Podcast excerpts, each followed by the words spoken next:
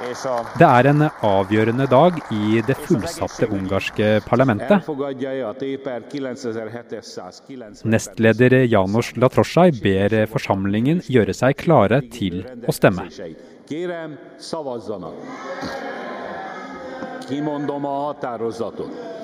Dette er lyden av en radikal lovendring i Ungarn. Med 137 stemmer mot 53 vedtok det ungarske parlamentet en lov som i praksis sikrer landets statsminister Viktor Urban nærmest all makt. Og det på ubestemt tid. Dette er forklart fra Aftenposten. Jeg heter Andreas Bakke Foss. Det er mandag 6. april.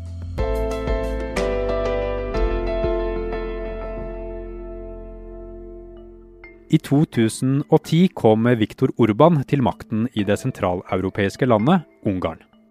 Kollega Ingrid Brekke har i årevis fulgt utviklingen i Ungarn tett, og var Aftenpostens europakorrespondent da Urban ble statsminister for ti år siden.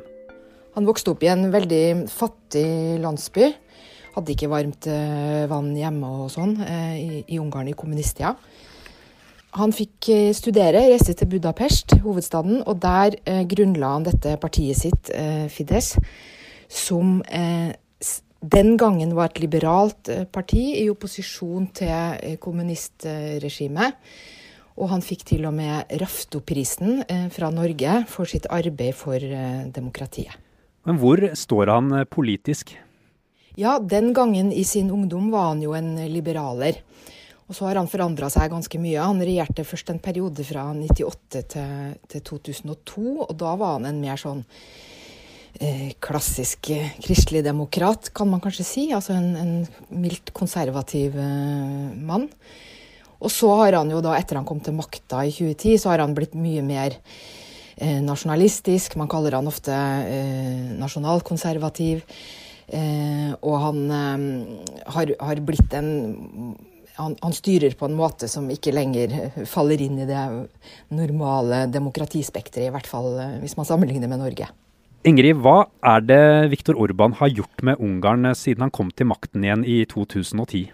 Nei, Han har jo forandra landet veldig. Og jeg tenker at for, for ungarere flest så er kanskje eh, det mest alvorlige den voldsomme korrupsjonen. Da. Et eksempel på det eh, handler om hans gamle fotballinteresse. Altså at i landsbyen han kommer fra, så har han brukt delvis da offentlige midler til å bygge et gigantisk fotballstadion som aldri er fullt, for det bor ikke noe særlig folk der. Han har også brukt EU-midler til å bygge et lite smalspora tog, og hans barndomsvenn har blitt en av Ungarns aller eh, rikeste menn.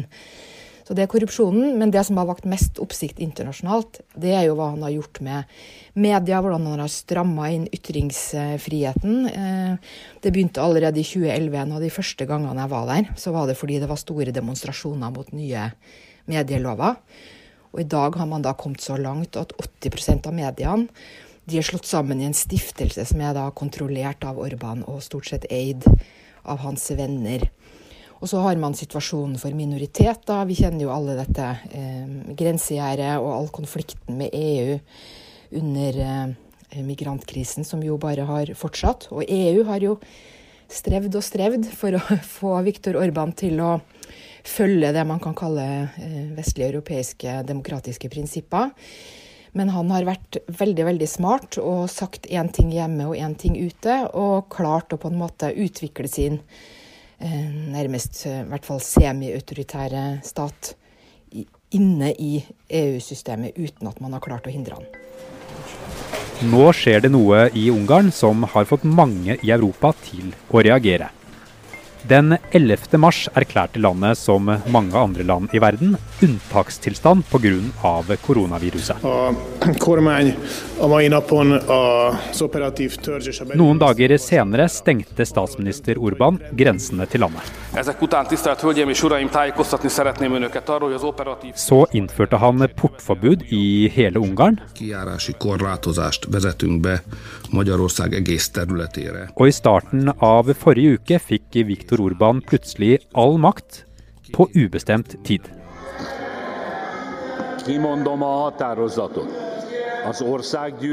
Vi er straks tilbake.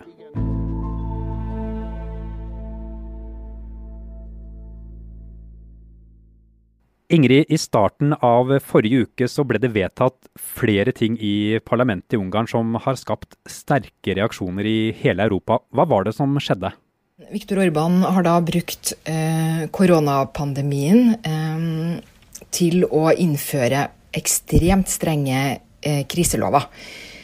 Eh, disse lovene ble vedtatt da i parlamentet med to tredjedels flertall, eh, som er den, eh, det han har kontroll over selv gjennom sitt parti Fides.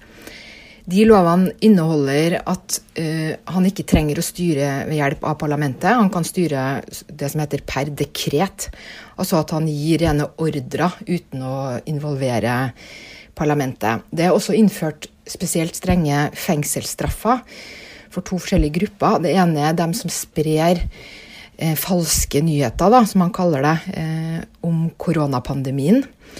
Og der er jo en nærliggende tolkning at det er jo regjeringa selv som definerer hva som er falske nyheter. Sånn at f.eks. kritikk av hvordan man eh, takler pandemien, her vil kunne falle inn under dette med falske nyheter. Og det andre er at den som protesterer mot en karantene eller en isolasjon, enten sjøl eller eh, på vegne av andre, sånn som jeg forstår det, trues også med, med, flere år i fengsel. Og så er det det helt essensielle, da, nemlig at loven ikke har noen tidsbegrensning. Eh, og da er det sånn at parlamentet når som helst kan gripe inn og stanse denne loven. Men fordi Viktor Orban i praksis da kontrollerer dette to tredjedels flertall, så er jo frykten rundt omkring nå at han kommer til å bare forlenge og forlenge disse lovene. Hva betyr eh, denne endringen for eh, Orbans makt? Ja, eh, altså på en måte kan man jo si at han har jo veldig lenge hatt ekstremt mye makt eh, i, i, Ungarn. Eh, men her slipper han jo da alt dette eh, som hører med et i hvert fall sånn delvis fungerende demokratisk system. Han slipper å forankre og slipper å holde på. Han kan bare gjøre alt uh, sjøl.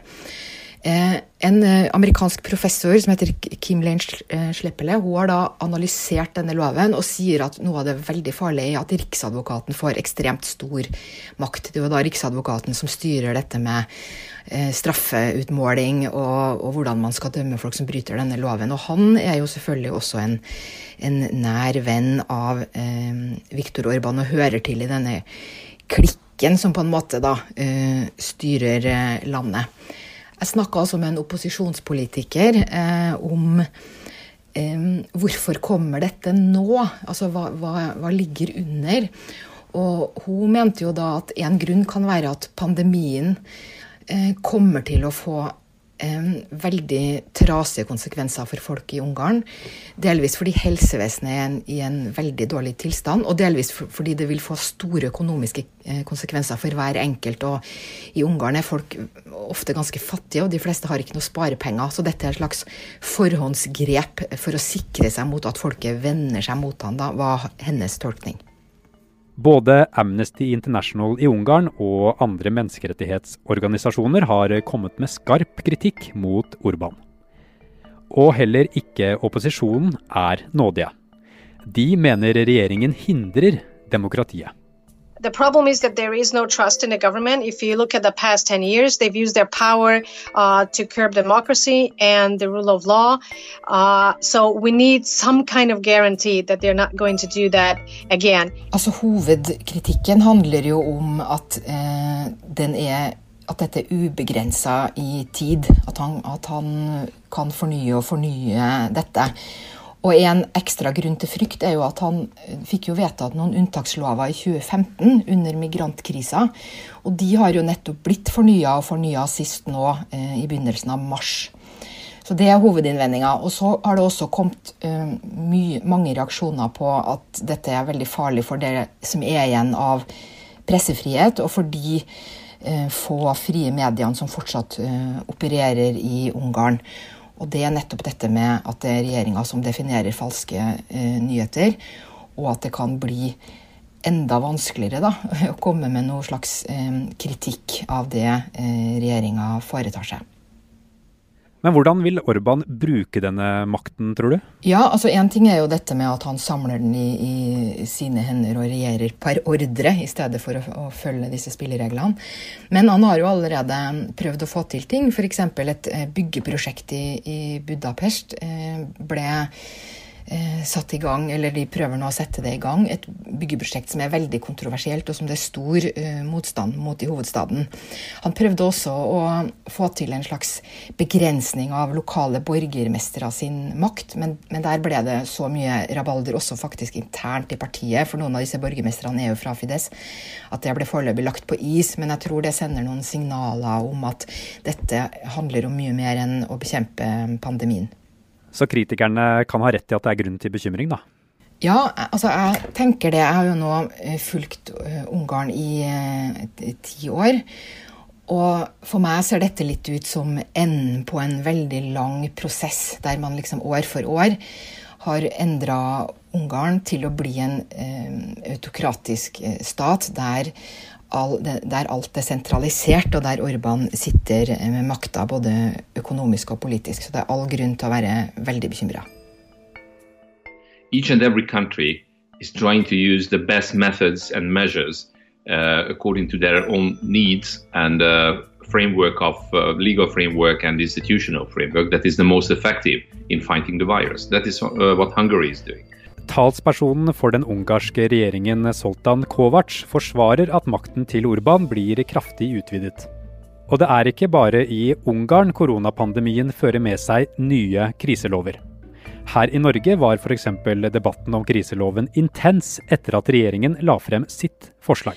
Regjeringen vil derfor i ettermiddag sende en proposisjon til Stortinget Loven Stortinget til slutt ble enige om, var en kraftig moderert versjon. Stortinget har uh, tatt kontroll. Det som nå vedtas er en radikalt forandret lov. Men hvorfor er det som skjer i Ungarn nå uh, mer ille enn f.eks. Uh, eh, den kriseloven Norge har vedtatt, som gir Erna Solberg og, og regjeringen mer makt her? Altså I Norge så, så vi jo nettopp hvordan et fungerende demokrati eh, reagerer. Nemlig at det kom et forslag så blir det ganske sterke reaksjoner og stor debatt. Og så blir jo forslaget endra, og, og, eh, resultatet ble mye mildere enn det regjeringa først eh, ønska. I, Ungarn har det nesten vært eh, jeg kan kanskje ikke si motsatt, men i hvert fall så prøvde han jo først å få dette vedtatt en uke tidligere, og da måtte han også ha hatt med seg noen fra opposisjonen. Eh, men de ville ikke være med på det. Altså De kunne akseptere en lov som varte i tre måneder, men ikke lenger. Eh, og da skjelte han dem ut og mener da at, at da eh, er de ikke med på å hindre pandemien i Ungarn. ikke sant? Og så klarte han da å banke det gjennom uka etter, fordi det er litt sånn juridisk hvordan ting er lagd, så kunne han da nøye seg med dette to tredjedels flertallet. Nå advarer jo menneskerettighetsorganisasjoner mot smitteverntiltak som går utover menneskerettighetene. Hva er det de er så bekymret for? Ja, Det kommer jo stadig meldinger fra forskjellige menneskerettighetsorganisasjoner som Human Rights Watch og Amnesty International, og også OSSE, Organisasjonen for sikkerhet og samarbeid i Europa, om at eh, maktglade politikere bruker denne anledningen til å ta til seg eh, mer makt enn de burde. Og til å ordne systemene til sin fordel. Og det jo en, kan jo være en enkel ting å gjøre nå, fordi folk er jo veldig redde. Og, og ofte så blander man da inn disse tiltakene eh, som handler om ren smittebeskyttelse og, og, det å hindre, stenge grenser og sånne ting. Blander man det sammen med tiltak som egentlig eh, ikke har så mye med det å gjøre. og så lager man sånne lovklumper og vedtar ting i samme slengen. Og det er jo nettopp det som har skjedd litt i Ungarn. Men det skjer også eh, andre steder. Så det, vi trenger å være ekstra oppmerksomme. Og det er jo nettopp det disse vaktbikkjeorganisasjonene er nå. På å se hva som skjer som en følge av denne pandemien.